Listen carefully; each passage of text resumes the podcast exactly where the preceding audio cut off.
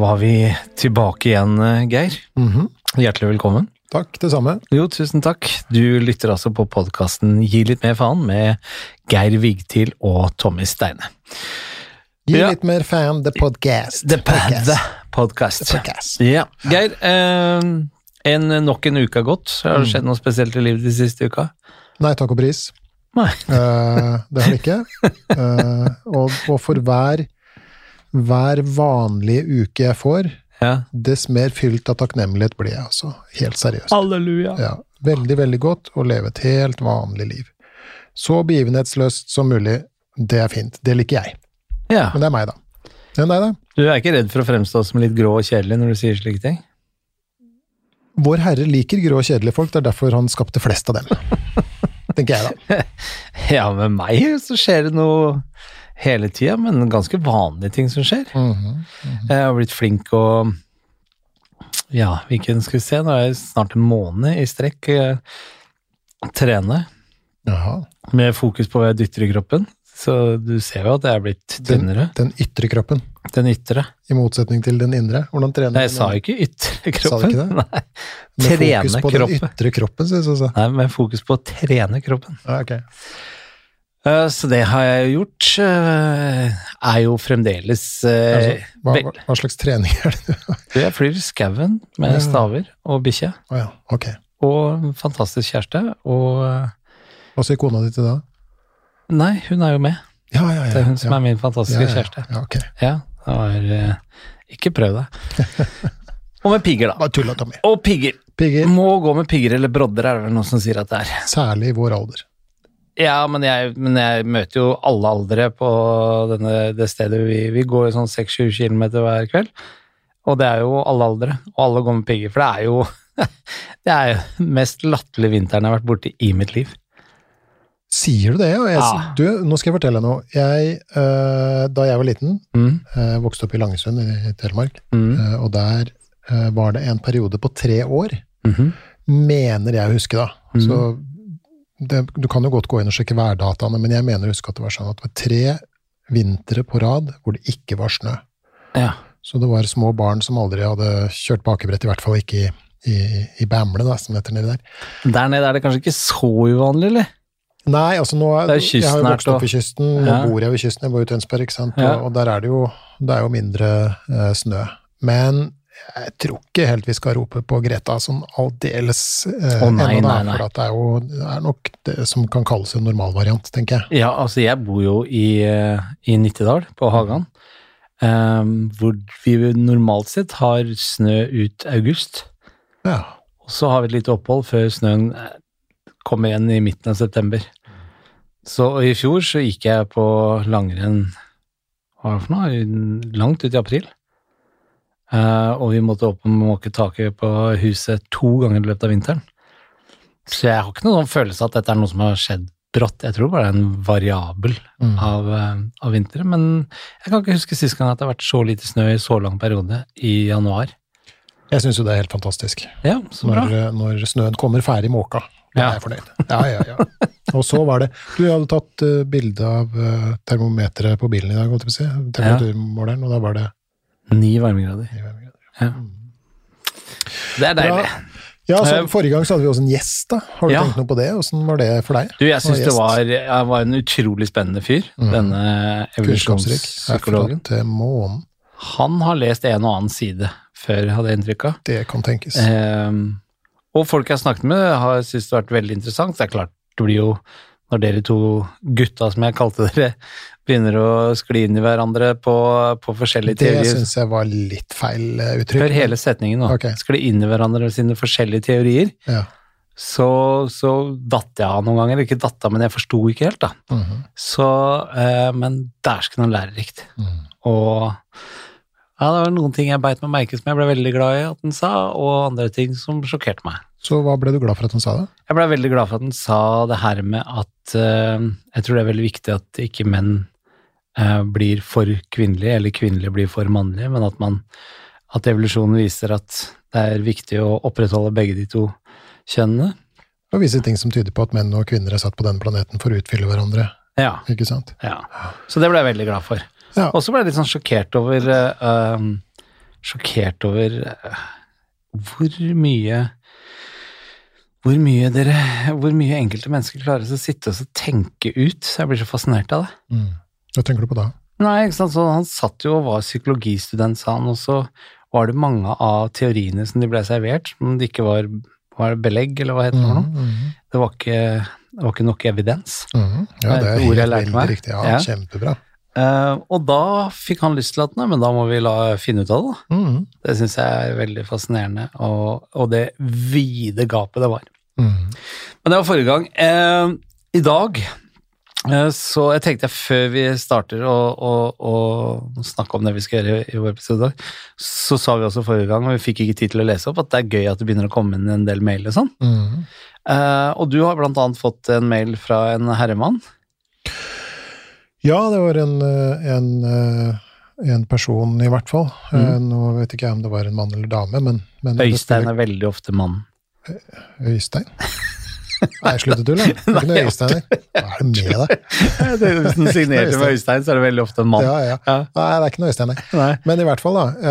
Denne personen Ja. sendte en, en veldig hyggelig e-post, og takka jo for, for en ålreit podkast og sånn. Og det er jo selvfølgelig stas, ikke mm. sant? Men, men eh, vedkommende skrev noe i retning av at eh, denne personen da hadde en eh, som han var veldig glad i, Mm. og som plagdes eh, med Altså hadde et, et psykisk problem.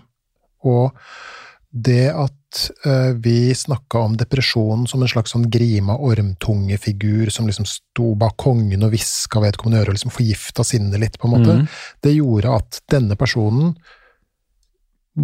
forsto litt mer av hvordan eh, eh, den personen han var glad i, eller hun, Mm. eller hva det var, eh, hadde det.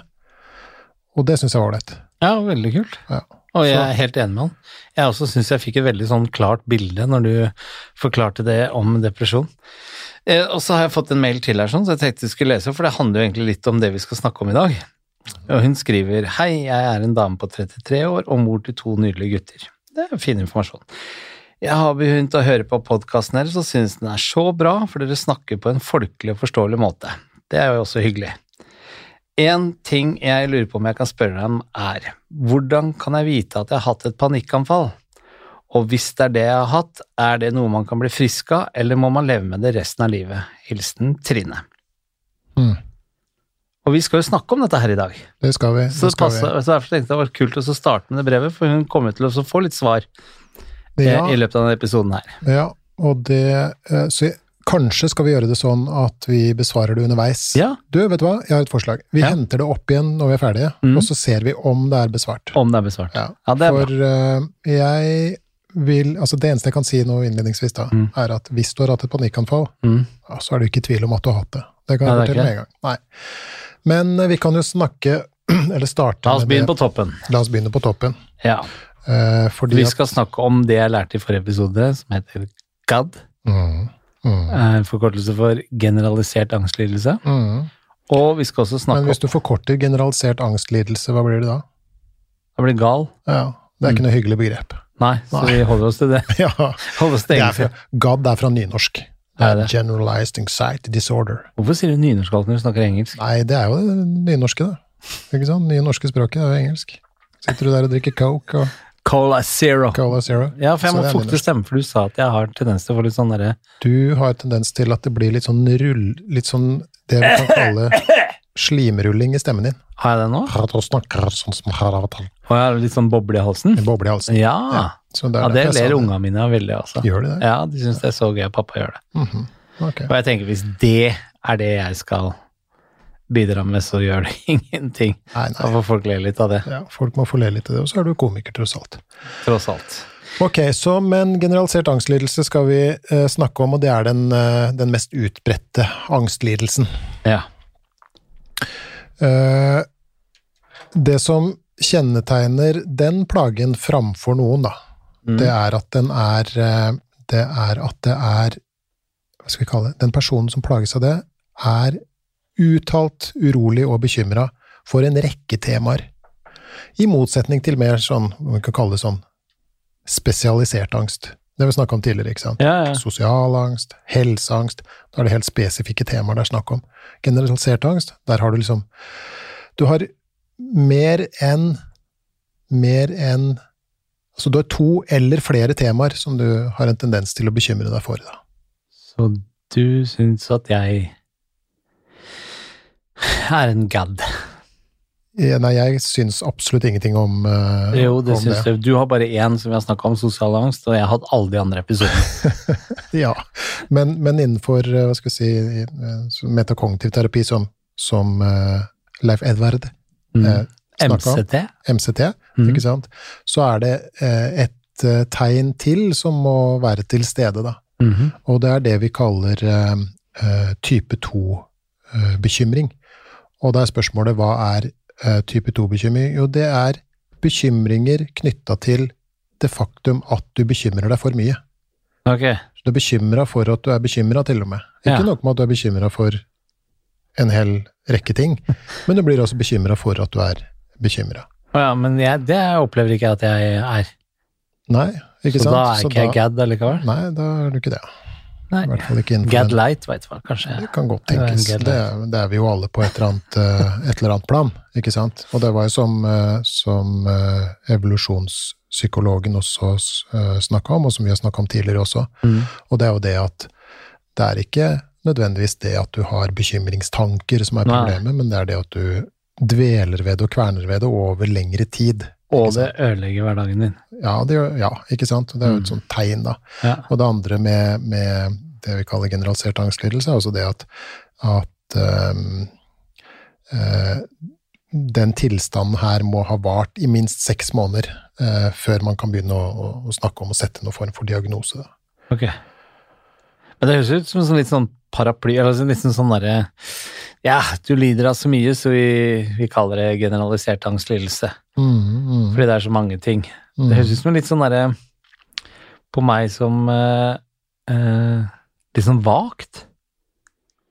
Ja, nei, jeg syns jo ikke det. eh, Nei, fordi at, nei, for at det er jo klare, klare hva skal vi kalle det, kriterier for å, å sette den type diagnoser. Mm. Eh, Så kan man jo si at vagheten ligger i at det her er jo noe alle kan kjenne seg igjen i. ikke sant? Men det er først når det har vart veldig lenge, eh, funksjonen din er sterkt nedsatt pga. det her, Mm. eller i hvert fall eh, en, en god del nedsatt, da. Mm. Eh, du har eh, uttalt bekymring, du er uttalt urolig, uttalt, eh, uttalt nervøs og, og, og anspent osv., og, så og, og eh, hva skal vi si mm, Og du har denne type to-bekymringa, Mm. som går på at du bekymrer deg for mye, Ja. eh, og at, eh, at bekymringa di er ikke lar seg kontrollere, altså at den ikke er under din kontroll. da. Mm. Ikke sant? Eller at den også kan være farlig. At du gjennom å bekymre deg kan bekymre på deg et hjerteinfarkt, eksempel, eller et hjerneslag, eller, eller at du kan miste kontrollen, ikke sant, og så kommer det menn i hvite frakker og henter deg og kjører deg bort. Er det mulig? Nei, altså, eh, mange blir jo redde for det. Ja, men, Men- kan, jeg, kan jeg engste meg så mye at jeg får hjerteinfarkt av det? Engstelse er jo ganske utbredt i Eller befolkninga. angst, da. Ja, angst og engstelse får- videre er jo, er jo utbredt i befolkninga. Ja. Bekymring og overtenking er også uh, uttalt. Mm. Men det er jo heldigvis et stykke mellom folk vi ser liksom falle om på gata med både infarkter og, og all verdens greier. Og, og, og det er en god stund siden jeg så noen liksom begynne å hyle og skrike og bli kjørt bort av, av en polstra sykebil, ikke sant. Ja. Sånn at det er ikke riktig sånn det fungerer, heldigvis. Men, men jeg syns jeg leste det, sted altså, av GAD, da, for å bare ta forkortelsen på det. Er, er det en av de angstlidelsene som er mest utbredt? Det er en av de mest eh, utbredte plagene i befolkninga, ja. Ja. Eh, Og, som, og igjen som eh, Leif Edvard snakka om, da, Ja. så, så um, rammer det Jeg liker ikke det ordet der. Rammer. Som om det er liksom snøskred. Det er jo ikke det. Men, men, men det er mellom to til tre ganger så mange kvinner som menn som, som plages av, av det vi kaller GAD. da. ja. Og i befolkninga som sådan så ligger eh, forekomsten, om vi kan kalle det, på, på mellom en halv og, og i enkelte skal vi kalle det studier opp, opp i så mye som, som 5 Det Wow, det er ganske mye. Det er ganske mye. Og det er jo Du vet at det er jo fem personer av, av 100, det, Tommy. Det er som vi har begynt å regne matte i det programmet. Ja. Programmet, hører du. I Mm. denne podkasten, mener jeg. Mm. Men er Hva er typiske symptomene når man har uh, GAD? Gjør altså kroppslig. Ja, det er, det er jo de samme typiske symptomene som det er ved andre angstplager og angstlidelser. Ja, skiller Også ved bekymring. Nei, ikke nødvendigvis. Det eneste er dette med, med det vi kaller type 2-bekymring, men det er jo mer sånn mental aktivitet. Ja, Men det som er typisk ved, ved angstaktivering, ja, er jo det at du Det merker du godt på, på kroppen din, ikke sant? Du merker jo den herre eh, spenninga inni Mm. deg. Eh, for de som kanskje ikke har vært borti sånn angstaktivering før, så hvis de noensinne har vært til tannlegen eller skal gjennom en eller annen undersøkelse hos legen eller opp til en eksamen eller et eller annet sånt, så kjenner vi alle igjen den derre murrende følelsen der, ikke sant? ja. Og den er jo ikke noe god i det hele tatt. Eh, og eh, mange av oss gjør jo det vi kan for å bli kvitt den, for det, Ja. det liker vi jo ikke. Særs ubehagelig. Veldig ubehagelig, veldig Hva skal vi kalle det? Veldig kraftkrevende, eller noe Ja. sånt. når Man blir fullstendig utslitt av det. Ja. Det er helt, helt forferdelig, de som har vært borti, borti det her. Jeg prøver å forklare det når jeg står på scenen og snakker om uh, For jeg tror jeg har hatt både panikkangst og generaliserte angstlidelser, og jeg tror jeg har hatt alle bortsett fra den ene. Eh, for at de som ikke har opplevd det å ha skikkelig angst, skal forstå hva, hvordan det kjennes i kroppen, så sier jeg til folk du har helt sikkert kjørt bil og holdt på å smelle inn i, i den bilen som står foran deg ved en Mm. brå oppbremsing. Det derre harde hjertet du får da. Ja, ja. Den følelsen hadde jeg jo i kroppen hele tiden. Mm. Og du kan tenke deg hvor andpusten og sånn du blir, eh, og nesten litt svimmel når du sitter der i bilen og det gikk bra, liksom. Mm. Eh, eller du har holdt på å falle ned. Den derre der, Støkket, liksom. Ja, det støkket du får da. Så det er beste måten for meg å beskrive hvordan eh, jeg kunne ha det, eh, bare at jeg hadde det hele tiden. Mm. Og det sier seg sjøl at det blir du utslitt av. Mm. Så er det veldig sånn kraftkrevende Ja. å, å gå rundt i den type skal vi si, sånn, sånn uh, Hva skal vi kalle det? Sånn hypervaktsom tilstand hele tida. Ja. Hørte du at jeg rapa? Nei, jeg bare hørte en bobler inni kroppen din. Ja. ja. Det er uh, Solo Superen igjen. Er, eh, men men eh, husker du forrige episode? Mm. Så, så hadde vi eh, evolusjonspsykologen her. Mm. Og da snakka han, og og du, du snakka også om det, jeg tror det var du som introduserte det, en, en reaksjon som vi mennesker har på en måte bygd inni oss, da, Mm. som heter fight or flight. Kamp eller flukt på, Mm. på norsk. Og så har vi en variant som antagelig også heter freeze, ikke Mm. sant. Det er jo greit nok. Men, men eh, det som skjer ekstremt grovt fortalt, da, for dette er hyperkomplekse greier, men, Mm. men det er noe i retning av at når vi blir veldig redde og føler oss trua av et eller annet, være seg la oss si en rømt tiger eller noe Mm. sånt fra, fra sirkus, eh, eller en, en ransmann, eller at vi nesten smeller inn i bilen foran, eller akkurat klarer å kaste oss unna en eller annen tosk som kjører forbi ikke sant, Mm. mot oss osv., så, videre, så så sprøytes det stresshormoner ut i kroppen vår. Og det, de stresshormonene har eh, Det er et poeng ved dem, selvfølgelig. ikke sant? Hvis ikke så hadde jo si, evolusjonen ikke beholdt den reaksjonen. Men den har jo berga oss gjennom, eller også våre forfedre gjennom, gjennom hundretusener av år, og kanskje enda mer. Men, men poenget med reaksjonene, altså disse reaksjonene, da, Mm. hjertebank, eh, økt blodtrykk, er for å sikre blod til muskler og hjerne, primært sett, ikke sant. Du puster fortere, det er for å sikre oksygentilførsel til de samme mm. Strukturene. Musklene dine spenner seg, ikke sant. Du gjør deg, kamp, du gjør deg klar til, til kamp eller flukta. Um, ja. noen- Adrenalinet pumpes ut i kroppen. Adrenalinet blant annet da, pumpes ut i kroppen og, og, og gjør oss uh, klare. Noen av oss får jo eksempel mageplager. Ikke sant? um, en annen ting det fører til er jo Vi har jo snakka tidligere om noe som heter trusselfokus. Mm. Du blir helt fiksert på det, det som er truende, ikke sant. Ja. Og det være seg en ransmann eller eller um, et symptom du har i kroppen hvis du er litt sånn helseengstelig. ikke Mm. sant? Der har du samme der uh, trusselfokuset. Så alle disse tingene skjer i kroppen din. Og det er jo, tar jo sikte på å, som sagt, gjøre deg klar til å kjempe mot det som er foran deg, eller flykte fra det. Ja. Og det er jo greit hvis det er en ransmann eller en tiger, eller, eller at du skal hive bilen unna, eller noe sånt noe. Men når det utløses gjennom at du bekymrer deg for en hel rekke ting i livet ditt, da. For eksempel om, om økonomien din skal holde, om det er noe gærent med helsa di, om folk liker deg, osv., ikke sant? Så vil jo den reaksjonen som du forteller om når du nesten smeller inn i bilen foran, den vil jo legge seg. Mm. Men i de tilfellene hvor vi blir sittende og bekymre oss, gruble, være trusselfokuserte, så vedlikeholdes jo den reaksjonen. Mm. Så vi blir på en måte i den tilstanden. Og i verste fall da så kan vi oppleve å smelle over i det som kalles et panikkanfall. Mm. Og det kjenner du. Det kjenner du veldig godt. Har du vært borti den? Det har jeg. Vil Hatt du fortelle? mange panikkanfall, jeg tror jeg. Mange. Ok. Et av de ble faktisk filmet da jeg hang i en fjellvegg på 71 grader nord. Å ja. Ja.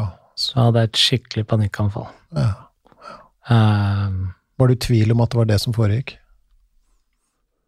Nei, altså Jeg var ikke i tvil om at jeg var redd, eller sånt, men at det kaltes et panikkanfall, eller om jeg ble, var bare Jeg tenkte bare at nå er jeg livredd. Altså, jeg ville bruke ordet livredd.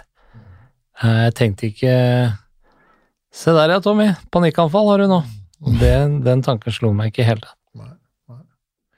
Men det er jo alle de der tingene du snakker om eh, som, som øh, hva er det det er fine ordet du, bruker på det, Geir? Det som jeg merker best, og det er jo Hør nå. Kanskje jeg sier det feil, men jeg prøver. Autonom hyper... Hyperrespons? Nei, autonom hyper... Ja. Aktivitet. Ja, det kan tenkes. Ja. Ja. Er, det, er ikke det et sånt ord som Og- beskriver der du blir svett i hendene, kortpusta, alt sånt noe? Jo, jo. I et- det, var, det har jeg jo opplevd jeg jo da, blant annet i fjellveggen, ikke sant? Ja, ja.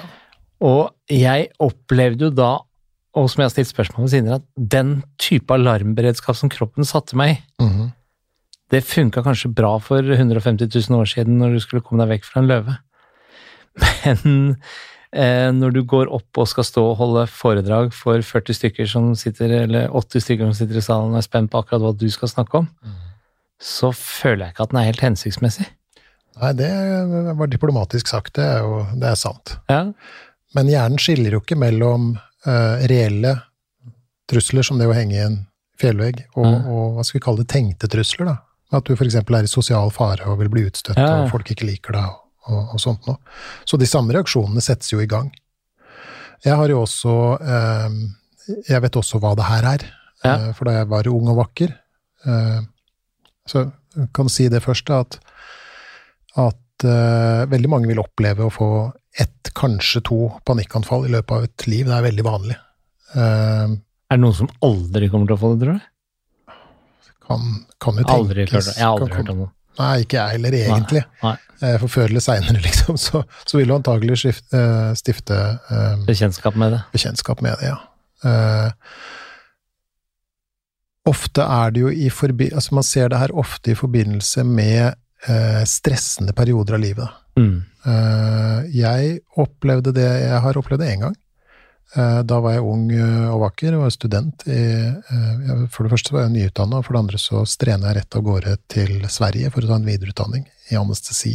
Mhm.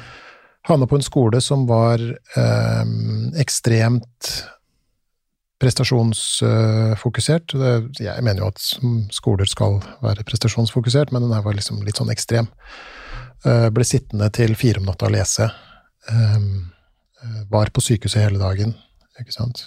Dro hjem, leste, la meg opp klokka sju. Sånn holdt jeg på, da. Eh, brant lyset i begge ender og midt på, antagelig. Elendig kosthold. Samtidig så døde to bestemødre, og et eh, kjæresteforhold gikk i oppløsning. Så sto jeg på Konsum i Sundsvall, og hele butikken snudde seg på hodet. Wow. Og hjertet dundra, og, og jeg visste jo ikke hva det var, ikke sant? Så jeg, jeg, jeg tenkte jo som herlighet, ble jeg gal? Eh, har jeg fått. Jeg så jo for meg en eller annen sånn katastrofal eh, nevrologisk begivenhet, da, i Ja. form av noe hjerneslag eller noe sånt som det er. ikke sant? Og jeg Ja. husker knapt at jeg greide å stavre meg ut fra, eh, fra butikken. Eh, og eh, det tok lang tid før jeg kom meg etter det der, eh, for det, jeg visste ikke hva det var. ikke sant? Hvordan visste du at det var det du hadde hatt da? Nei, det visste jeg ikke egentlig. Så jeg løp jo av gårde til legen, en svensk lege, som Ja. sa at jeg skulle få noen betablokkere, sånn som gjør at eh, hjertet slår eh, mindre fort. Ja. Eh, Uten at det var noe helsekost, for så vidt. Så, så Dette plagde seg med en stund. Men så er det sånn med alle Med andre Altså med Så er det sånn som med de fleste plager, i hvert fall, at de, at de har en tendens til å legge seg over tid. Da. Og det gjorde det også. Ja. Men jeg har, den har jeg aldri glemt. Så det var liksom ikke tvil sånn sett at, at det var det det var, da. Nei. Så, eh, og mange blir jo veldig redde nettopp for å miste kontrollen, og, det at, og de blir redde for at de er i ferd med å dø, Mm. ikke sant. Eh, og noen som, som eh, For det finnes noen mennesker som har denne plagen gjentatt over tid, og så kommer flere anfall.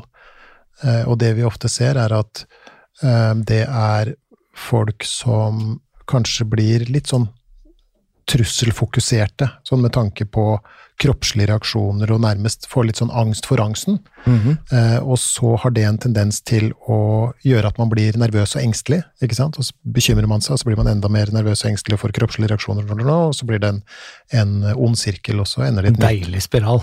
Jaha, deilig er jo kanskje Nei, Helt eh, det var ironisk. Ja. Eh, Men, men eh, Og da kan det liksom disponere for nye anfall, da. Og, og, og vi hørte jo også i forrige episode hvordan eh, en stor del av de som eh, bringes inn til norske sykehus med symptomer på eller mistanke om hjerteinfarkt eller noe sånt, så er det en veldig stor prosentandel, oppi 40% tror jeg det var, ja, jeg tror det han sa. ja, øhm, øh, så viser det seg at det er, at det er panikk det er snakk om. Er det noen tilfeller hvor det er bra å få panikk, da? Det klarer jeg liksom ikke riktig å se for meg. Nei. Nei. Det er jo lite adaptivt, som, øh, som Kenere ville sagt. Hva betyr det? Nei, også at det er, det, er, det, er lite, det er lite hensiktsmessig, da. Ja, Ikke sant? Å få panikk. det er bedre ord. Du ser jo noen dyrearter som, som går i sånn freeze, de faller liksom Ja, døde er om, ikke sant? Jeg har sett geiter på YouTube. Ja, de geitene med sånn Ja. ja. ja, de har et spesielt uh, stoff i musklene som heter stivnere. Ja. Ja. Men du har jo også andre typer sånn pungrotter og sånn som klask legger seg på, på ryggen og er, er døde, liksom. Ikke sant? I rein skrekk, da. Mens for oss mennesker så ville det vært ganske dumt, for hvis våre forfedre sto overfor en hulebjørn eller noe sånt, og, og, og de liksom falt om og, og ble liggende, så, så hadde kanskje ikke det vært så lurt. Eller i møte med en fiende som invaderte land eller sånt. Det hadde vært, eh, vært lite lurt. Men jeg har hørt at hvis du møter på en bjørn i skogen, så skal du legge deg ned og spille død. Sier du det, ja? Ja. Hadde du vært villig til å vedde livet ditt på det? Nei, Nei, ikke jeg heller. jeg hadde ikke lagt meg ned. Jeg Nei, hadde ikke klart det. Nei. Jeg hadde tatt sjansen på at den bjørnen var gammel og låghalt. Så jeg hadde Ja. satsa alt på en 100 meters sprint. Jeg hadde leita etter nedoverbakke, for det har jeg hørt det eneste måten du kan løpe fra bjørner på, er i nedoverbakke. Og jeg også tyngdekraft, og sånn gjelder ikke for bjørner. Jo, men de har på grunn av, hvis du ser en bjørn løper, jeg veit ikke om det er de har lange bakbein og korte forbein, eller vice versa. Jeg tror det er det. Okay. Så de klarer ikke å løpe like fort nedover. Ja, så de snur seg andre Ja, veien og enten det, eller skulle du stikke to fingre opp i nesa på den. Det er som bjørntriks, ja. ok, ja. Nei, jeg tror ikke det er så lurt å få, eh, få panikk, altså. Jeg hadde, jeg hadde stikket. Jeg vet at jeg hadde prøvd å løpe fra den. Det hadde nok jeg også gjort. Men at panikken hadde vært ganske nær, det, det hadde det nok. Så her man- er- er- jeg, skal, jeg skal fortelle en morsom historie. Ikke en morsom historie, for det var ikke morsomt for den personen det gjaldt, men jeg skal fortelle en historie om panikk. Ja. Og det var noe i retning av at eh, Det her har jeg jo sagt før også, og det er virkelig verdt å gjenta. Og det er jo det at hvis du opplever noe vansker av noe slag, Mm. så er, er det lege du skal snakke med. Ikke sant? For at det finnes en hel rekke tilstander som kan gi skal vi kalle det, symptomer som, lign, som kan, kan minne om psykologiske symptomer, eller noe i den retninga der. Mm. Så her er, en- er en historie om det. Jeg var borti en eh, person som hadde Som presenterte panikk. Panikkanfall. Eh, vedkommende kunne få panikk både her og der. Det var, eh, det var buss, og det var, var, butikk og offentlige steder og trange rom, og det ene med det tredje. Men det pussige med den personen, da, var at vedkommende også for eksempel da øh, kunne få panikkanfall hvis vedkommende satt bare rett opp ned i en stol, eller kunne våkne om natta med det, osv., så, videre, og så, så viste det seg at det var liksom ikke så voldsomt mye mønster i det, på en måte. Ikke sant? Det var liksom frem og tilbake, opp og ned, og det var ingen som liksom skjønte, skjønte stort av det her, da. Og da kan man jo begynne å lure litt, ikke sant, fordi at, mm. uh, fordi at uh, ofte så er det jo i det minste et visst mønster ute og går, ikke sant. Um, så vedkommende ble henvist til sin lege, og etter litt om og men så fant man en adrenalinproduserende tumor i binyrebarken, såkalt feokromocytom, i binyrebarken til den personen som vedkommende ble operert for, og ikke hadde panikkanfall lenger. Nå er det en veldig, veldig sjelden tilstand. Ja, det håper jeg. ja, ikke sant? Men, men det viser Begynner å engste meg for det også når jeg får ja, panikkanfall. Ja, ja da, det, det, kan du, det, kan du, engste deg for. Det er, veld, det er veldig sjeldent, altså. Men, men det, viser også at det er, det er eh, Man må undersøkes av lege. Det er doktoren som skal sjekke Først, ut det her. Ja. Mm -hmm. Men du, er det Um, hvis man får panikkanfall, mm. det er sikkert mange kjerringråd der ute, hva skal man gjøre? Ja, hva skal man gjøre? Uh, jeg, det er nok mye kjerringråd der ute, ja, men, men, jeg vet i hvert fall hva man ikke skal gjøre. Ja. Og det er antagelig lettere sagt enn gjort, ja. uh, men, men, det handler om å berede grunnen så lite som mulig for nye anfall. Og det er jo det å flykte fra situasjonen. Mm. Så det er jo liksom flight-delen i fight or flight, egentlig. Det å unngå, det å, å fjerne seg fra situasjonen. Eh, panikkanfall er jo intenst ubehagelige. Det kan vi jo begge skrive under på, mm. for vi har opplevd det på et eller annet uh, tidspunkt i, i livet, og du, og du, har jo masse uh, ubehagelige um, symptomer. Mm. Men det som er greia med Hva skal vi kalle det? Angst generelt og panikk spesielt, da, er at, er at denne tilstanden er ikke noen maratonløper. Det er nei. ikke en tilstand som varer i timevis, liksom. Nei. Ikke sant? Den, den blusser opp, og så, og så, legger den seg igjen. Jeg har jo ikke hatt krefter til det. Nei, ikke sant? Det hadde du ikke hatt. Nei, nei, nei, nei, nei. Men, men, angsten og, og, panikken og sånn er en sånn slags sånn sprinter. Ja. Den flammer opp, og så brenner den intenst ikke sant? Mm. I, I, relativt kort tid, og så legger den seg igjen. Og, og, det som kan være noe av problemet med å flykte fra situasjoner da, som utløser panikk, f.eks. Si at du har visse ting du er engstelig for, og i de situasjonene så, så oppstår panikken, så vil, vil, du stå i fare dersom du fjerner deg fra situasjonen, til å få en erfaring på at jeg fjerna meg fra situasjonen, angsten min gikk ned, ergo var det det at jeg fjerna meg fra situasjonen som som redda meg, på en måte. Mm. ikke sant? Og så går du glipp av den erfaringa som, som, du ville fått hvis du ble der, nemlig at angsten la, eller angstanfall eller panikkanfall eller angsten generelt la seg av seg selv etter en tid. da. Og så er det jo individuelle faktorer, og det her har vi snakka om før. Mm. Med, med, med, søvnmangel og, og, og, og stort, av og til selvpåført stress, ikke sant. Ta på seg altfor mye over altfor lang tid, og, mm. og, ikke ta hensyn til, til seg selv. Det, ikke, det, sier ikke at man skal bli sånn sentimentalt opptatt av seg selv, men, men det er noe med å, å, å ta inn over seg at man er et menneske som også av og til trenger hvile, og, og som også av og til ikke trenger å ha en million oppgaver hengende over seg. Noe i den retninga der, tenker jeg, da. Men hvordan skal jeg se, forklare det? Er Er det noen av de kjerringrådene som kan fungere, tror du? For jeg husker eh, når jeg forteller folk, eh, eller når jeg har fortalt om at jeg har hatt et panikkanfall eh, Jeg visste ikke hva jeg skulle gjøre, så kom jo masse for ja, da er det viktig å puste i firkant og mm, ha, mm, telle pusten og sette deg ned og visualisere og Men nå har jeg jo lært etter forrige episode at vi skal ikke slenge ut masse påstander og teorier uten at det har vært forsket på og funnet ut om det, det holder.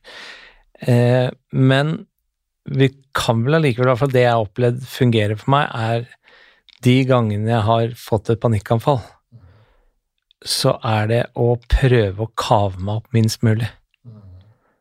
Um, og eh, det jeg har hørt av mange sier at de er redd for, er jeg, ikke, jeg kan ikke si at jeg har gjort det sjøl, men når du får et panikkanfall, så sier du at man begynner å puste fortere fordi kroppen vil ha mer oksygen. Eh, og så kan det fort bli til hyperventilering, og så er folk redde Ja. for å besvime av det. Ja, ja, ja.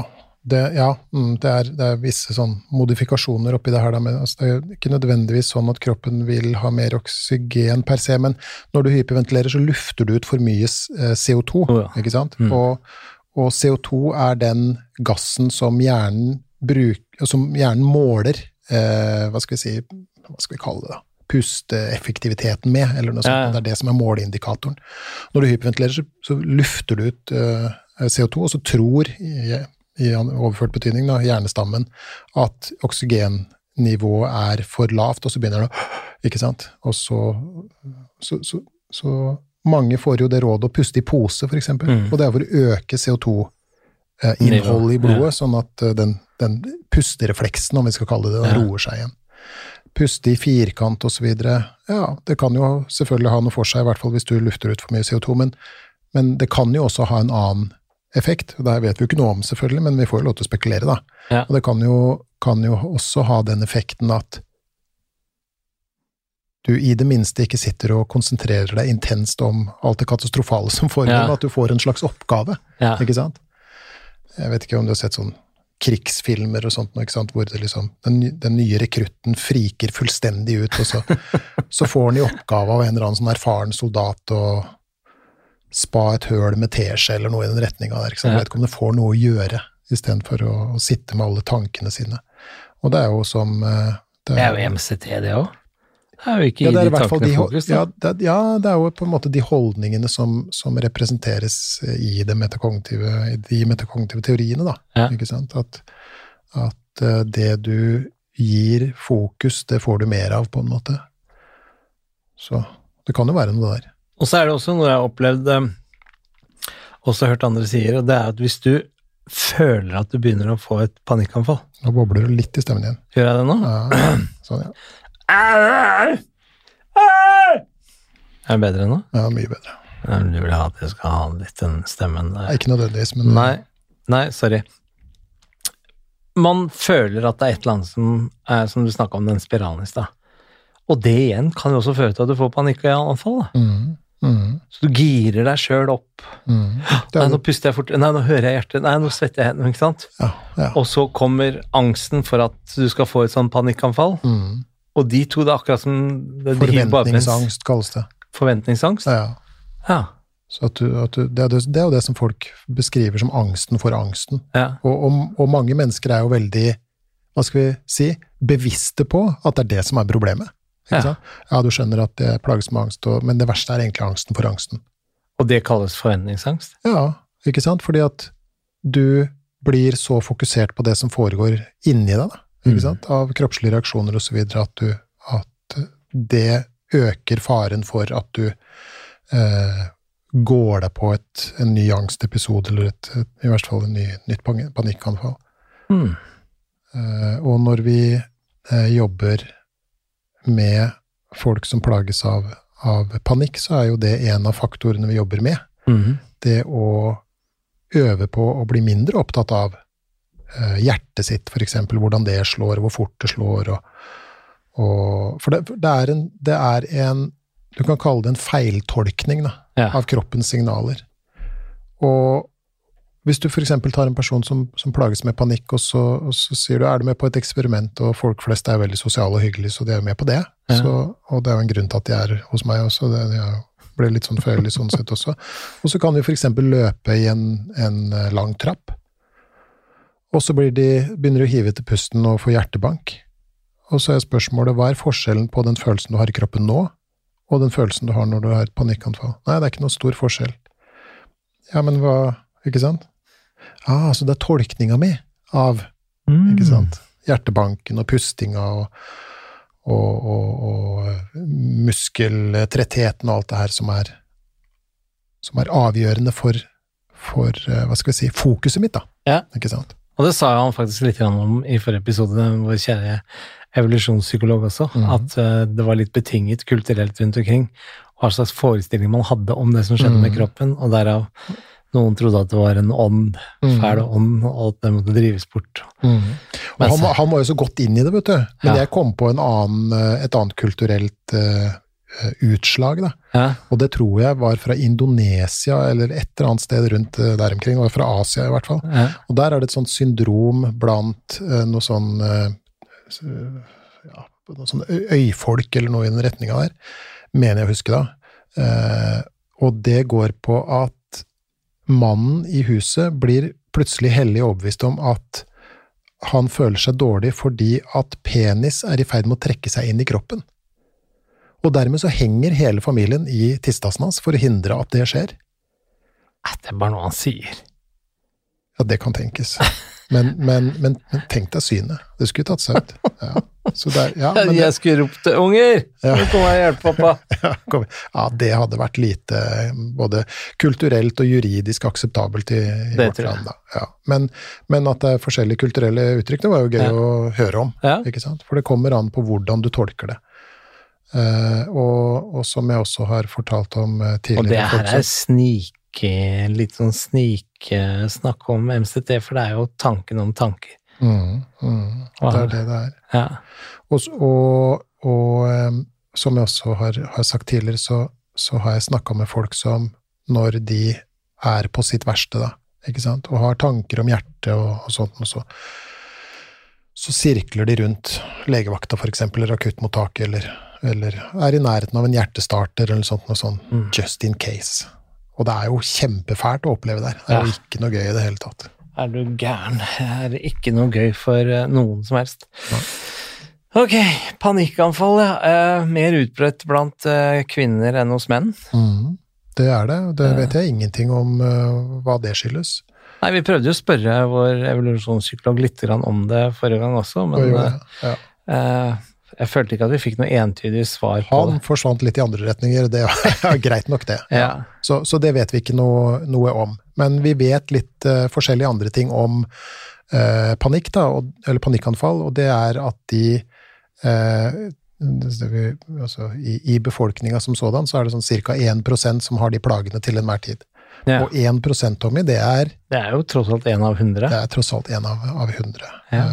Vi er helt rå på de greiene der. Ja, ja, ja. Vi er- begynner å bli gode på, på mattedelen av det nå.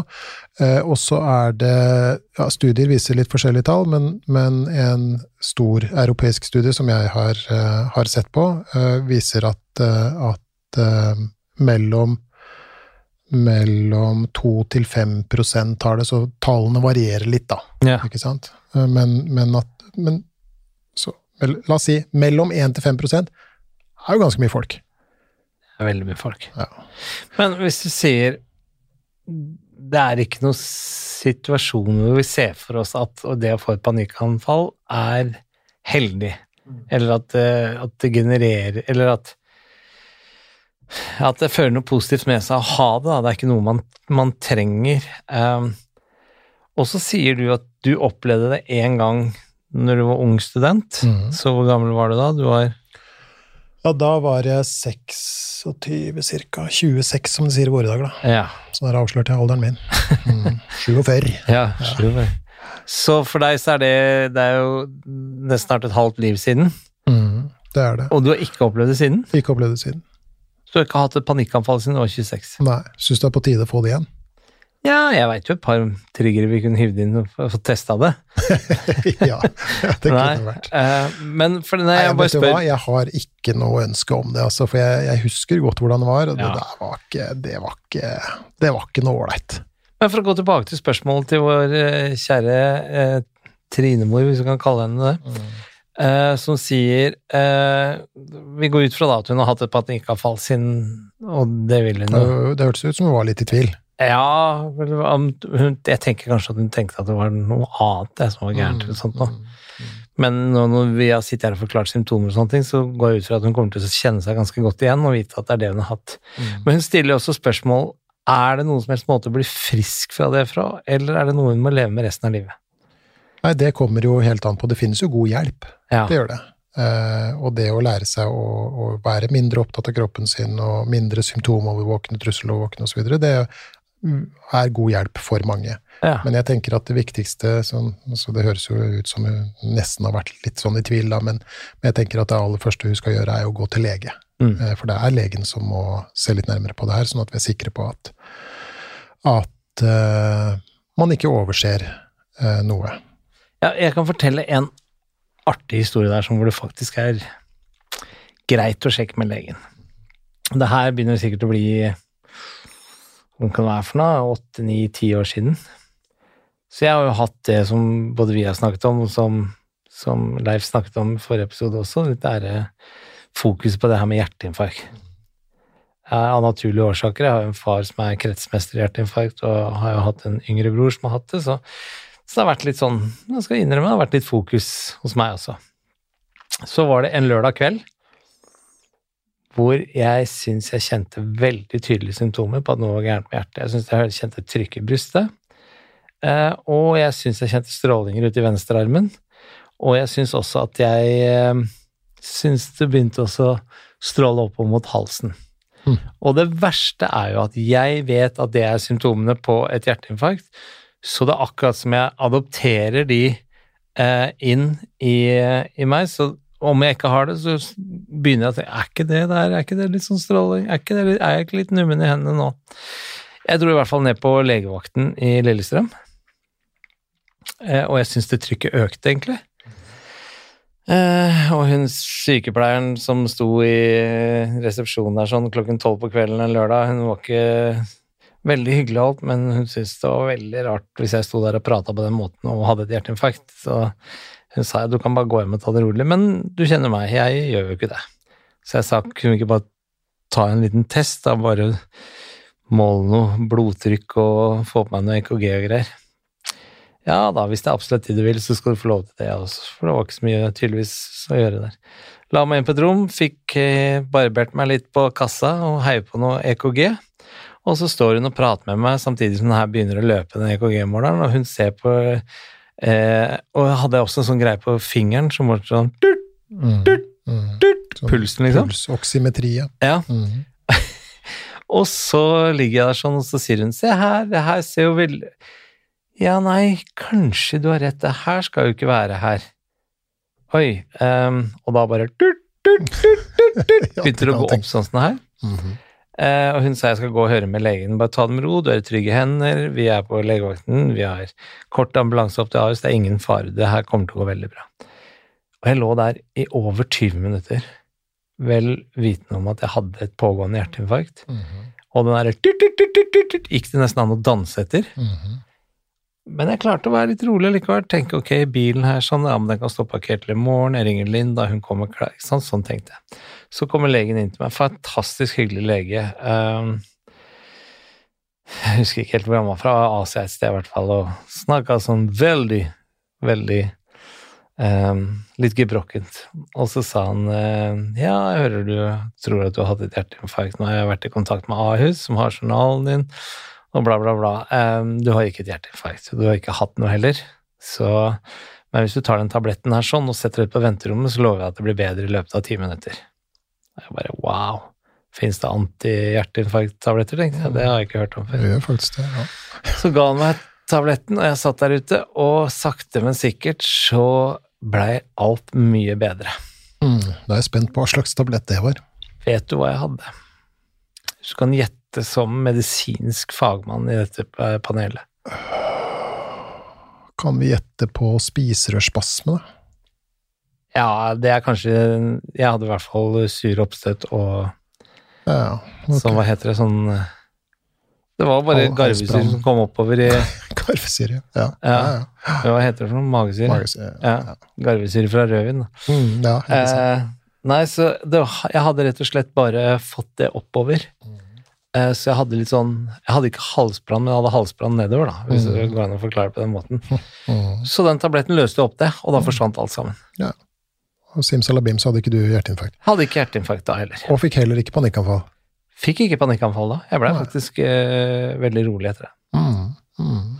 Ja, bra. Så for å oppsummere, Geir, på tampen av eh, denne episoden eh, Panikkangst, panikkanfall, eh, generell angstlidelse. Eh, og i og med at eh, jeg ikke oppsummerte forrige episode, så jeg tenkte jeg skulle prøve på det nå, så jeg har forstått det riktig. Så jeg stiller til eksamen nå. Eh, Du, jeg må bare få lov til å si én ting. en ting, Om, om, ja, før vi, en innskudd bisetning. ja, det, nå er det en innskutt Det er et par innskutte bisetninger. For det er noe jeg glemte å si om GAD, Ja, som det er viktig å si. ja. Før ble GAD regna som en, en nær håpløs tilstand å behandle. Det vi kalte nærmest sånn behandlingsresistent tilstand. Hæ? GAD var liksom det var the holy grail. Det var ikke noe du greide å touche. Ok. Det finnes det veldig god behandling for nå. Og metakognitiv terapi, Mm. det blir utgangspunktet um, Hva skal vi kalle det? Designa særlig for GAD, da. Det var der det starta. Var det det? Ja, ja, ja. Det var GAD som var angrepspunktet. Og Adrian Welsby og noen andre kloke folk begynte å, å koke sammen det her. Det skal vi for så vidt snakke mer om i neste episode, Ja. som skal handle om metakognitiv terapi, men, men jeg ville bare si det. Det finnes god hjelp for generalisert angstlidelse. Det kan jeg bekrefte, altså. Mm. Ja, det var det ene. Var det en ting til? Nei. Da prøver jeg meg å oppsummere. GAD, som jo er en bedre forkortelse enn den norske, som ville vært gal. Mhm. Generell angstlidelse. En av de mest utbredte angstlidelsene vi har. Eh, og vi regner at GAD og eh, panikkanfall eh, rammer et sted mellom 1 og 5 av befolkningen. Eh, forskning viser at det er eh, klare tendenser på overvekt av kvinner som, som lider av det. Eh, kjennetegnene ved at man har det, er jo at man har angst for flere ting, flere områder som man har angst for. Nå snakker du om GAD, ikke sant? Ja. Ja. Mm. Og eh, for at man skal kunne bli Få den diagnosen, da, så må det ha pågått i mer enn seks måneder. Minst seks måneder. Minst seks måneder. Og eh, på tampen av det igjen så har jeg lært at før så var det sett på som hopeless case, mens nå finnes det veldig mye bra hjelp man kan få på det. Eh, deriblant MCT, eh, altså metakognitiv terapi, som jo i bunn og grunn ble designet for å angripe det først. Mhm. Så det var sånn det startet, på en måte, for å angripe det feltet. Og det passer veldig bra da at vi runder av akkurat med den biten, for i neste episode så skal vi snakke om metakognitiv terapi. Skal. Og eh, det skal vi gi hele episoden til. Hvorfor, hvorfor trenger vi det egentlig? Nei, Jeg, altså, vet, jeg vet at jeg vil det, for jeg digger å snakke om det, men, Mm. men hva tenker du på med lytterne våre? Hva, hva, hva godt kan det få lære om det? nei, nå syns jeg at eh, våre lyttere fortjener det. Ja. Eh, Og vi fortjener det litt sjøl også, egentlig. For at det vi har brukt tid på nå, Ja. er jo rent bortsett fra den derre uh, evolusjonsspesialen da, som, eh, som var forrige gang. Mm. Det kan vi kalle det. ja, mm. ja, det er en evolusjonspsykologisk spesial. Ja, Men, men, og det var moro, det. ja Det var moro. Det var gøy å ha, ha en gjest i studio. Vi har jo andre gjester som vi ønsker også. Som kommer etter hvert. Ja, det Mm. tror jeg. Det tror jeg. Eh, vi har jo noen følere ute, blant annet. Mm. Men Hvor var jeg? Mm? Hvor var jeg nå? Ja, MCT. MCT, ja. Ja. ja. Jo, vi har beskrevet eh, plager, Mm. og vi har antyda noe i retning av hva som er løsningen på det. Mm. Nå syns jeg at vi skal snakke om hva metakognitiv terapi er, hva det brukes til, hva, hva skal, skal vi kalle det, hva som er komponentene i det, Ja. og, og, og um, skissere noen veier ut av bekymring og grubling, eksempel. Ja. Så det blir en, det blir en slags spesial, det òg. ja. For den tror jeg blir ganske lang. Jeg vet ikke om vi skal dele den i to, eller om vi skal kjøre en sånn Det ser vi hva som skjer. Vi ser hva som skjer, Ja. men, men og, og jeg gleder meg litt sånn spesielt den. Ja, jo, det skal jeg være ærlig innrømme. Det gjør jeg. ja, og jeg har jo, nå har jeg sittet og skrevet manus til denne. Oi. Eh, Og det så jeg for meg kom til å bli et mareritt, men det gikk veldig fort. Rart, de greiene der. Ja, det er veldig rart. Og, og, og dette er ting som jeg brenner for, og som jeg er veldig opptatt av, og jeg gleder meg til at vi skal snakke om det her. Det tror jeg blir veldig, veldig bra. Ja. Da gleder jeg meg veldig til neste episode. Mhm. Men vi er eh, ved veis ende i dagens episode. Det er vi. Får ikke lov å ende en episode uten å fortelle hvordan Nå har vi fått lest opp to lesebrev i dag. Mm. Eh, vi har jo fått eh, lesebrev, det heter jo ikke det lenger. Nei, men du skjønner hva jeg mener. Sånn, høres ut som noen klare Mailer, mailer og, og ting. Den ene har vi fått på Facebook, den andre har vi fått per mail. Mm. Som vi har fått, og vi har jo fått inn uh, mange flere også, så det blir gøy å lese opp uh, når vi kommer til Og flere av de har faktisk spurt oss spørsmålet hva er det vi snakker om hele tida, det med metakognitiv terapi, så det blir gøy å få lest opp de. Mhm. Uh, men vi vil ha mange flere. Hvordan skal folk kontakte oss? Da må de vel nesten bruke den eh, e-postadressen som vi har en tendens til å kverne på hver eneste gang, da. Mm. Gi litt mer f at gmail.com. Mm. Gi litt mer f. Krøllsnabelafa. Uh, Det heter snabel A. Ja, kanelbølle. Uh, Gmail.com. Og så har vi eh, sosiale medier. Mm. Det er showet som heter eh, Gi litt mer faen. Det er Mhm. på Facebook og Instagram. Vi har boka som heter Gi litt, nei, Hvordan gi litt mer faen på Facebook og Instagram. Eh, og så har vi en eh, hashtag som heter Gi litt mer faen-podkast. Den er allerede brukt, som, som vi sa eh, forrige gang. Og så håper vi at, hvis du liker det du hører, at du gir oss en, eh, noen stjerner, og, og Og anbefalinger og Snakk med andre, del den, og sånn at vi får ut det budskapet som vi er opptatt av om, om psykisk helse. Og jeg tenkte vi skulle nevne, i og med at nå er det ikke så lenge, så reiser vi til Trondheim 1. februar. Så da er jo forestillingen vår der, eh, på Royal og- Og vet du hva? Nei? Trondheim er, er selve hovedsetet for metakognitiv terapi i Norge. Episenteret. Mhm. Og dit skal vi. Dit skal vi 1. februar. Ja. Det er fortsatt billetter igjen. Mm. Og 13. februar så skal jeg til eh, my homebygd, eh, Nittedal, på Flammen. Nesten ikke billetter igjen, men hiv deg på flammen eh, .no, tror jeg det heter. Flammen.no. Mhm. Og kom på forestillingen. Eh, der vil du treffe oss og får mulighet til å kjøpe boka og høre mer om dette her. Mm. Da sier vi takk for i dag, Dager. Det gjør vi. Vel hjem. Vel hjem, du også. Snekras vi. Ha det. ha det.